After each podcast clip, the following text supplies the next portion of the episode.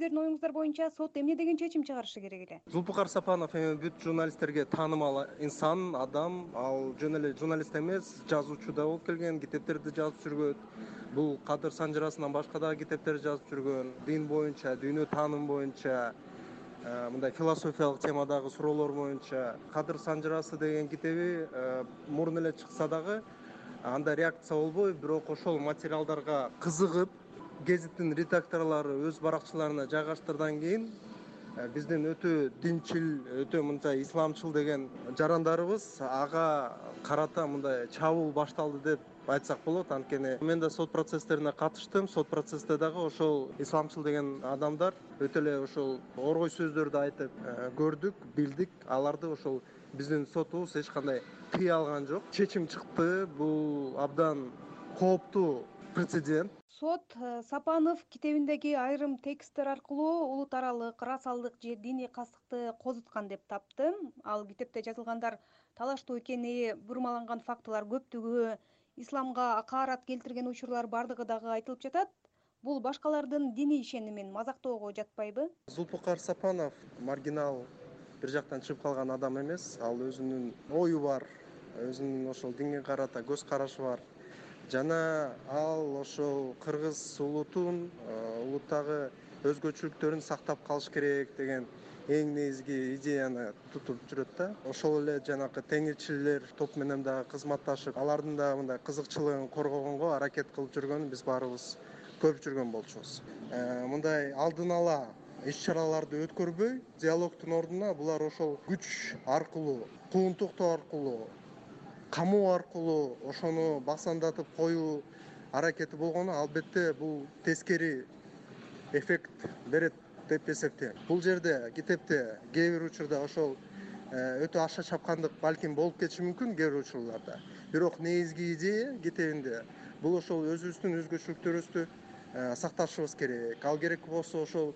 атамбаевдин э, азыркы президентке талапкер сариевдин дагы айткан сөздөрүн жазып айтып келатат бул ошол хиджабты кийүүдүн ордуна биз ошол салтыбызды унутпашыбыз керек деген эң башкы идея жазылган болчу да. Сөз эркиндигин коргоо комитети биринчиден муфтиятка дин комиссиясына талап кылып жатабыз. Сапановго чабуул жасаган адамдарды кичине эскертип эсине келтирип саясатын жүргүзсө деген үмүттө биз аларга кайрылдык. Экинчиден биз бишкек шаардык сотуна дагы алардын коллегиясына дагы кайрылуу жолдодук анткени ал иш ал жакта каралат апелляциялык жолдо.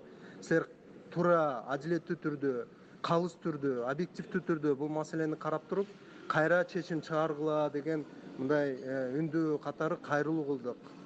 Э, өкүнүчтүүсү бизден уюмдан башка жасаган жок бирок чынына келгенде эгерде биз азыр бул жерден эч кандай реакция кылбай мындай э, коңгуроо какпасак анда эртең исламга мындай каршы эмес терс эмес суроо иретинде сөздөрдү айтып баштасак бизди да мындай э, камап э, куугунтуктап э, баштап динчилерди эмес ошол мамлекеттик органдар да ошентип башташы мүмкүн. Бул абдан кооптуу нерсе. Августта кыргызстанда соттун чечими менен сентябрь деп аталган көз карандысыз телеканал жабылган. Сентябрь телеканалынан тышкары журналисттер дайырбек орунбеков дина маслова нарын айып боюнча сот жараяндары жүрдү эл аралык уюмдар жана кыргызстандагы медиа уюмдар ушунун баарын журналисттерге сөз эркиндигине карата басым деп сыпатташты.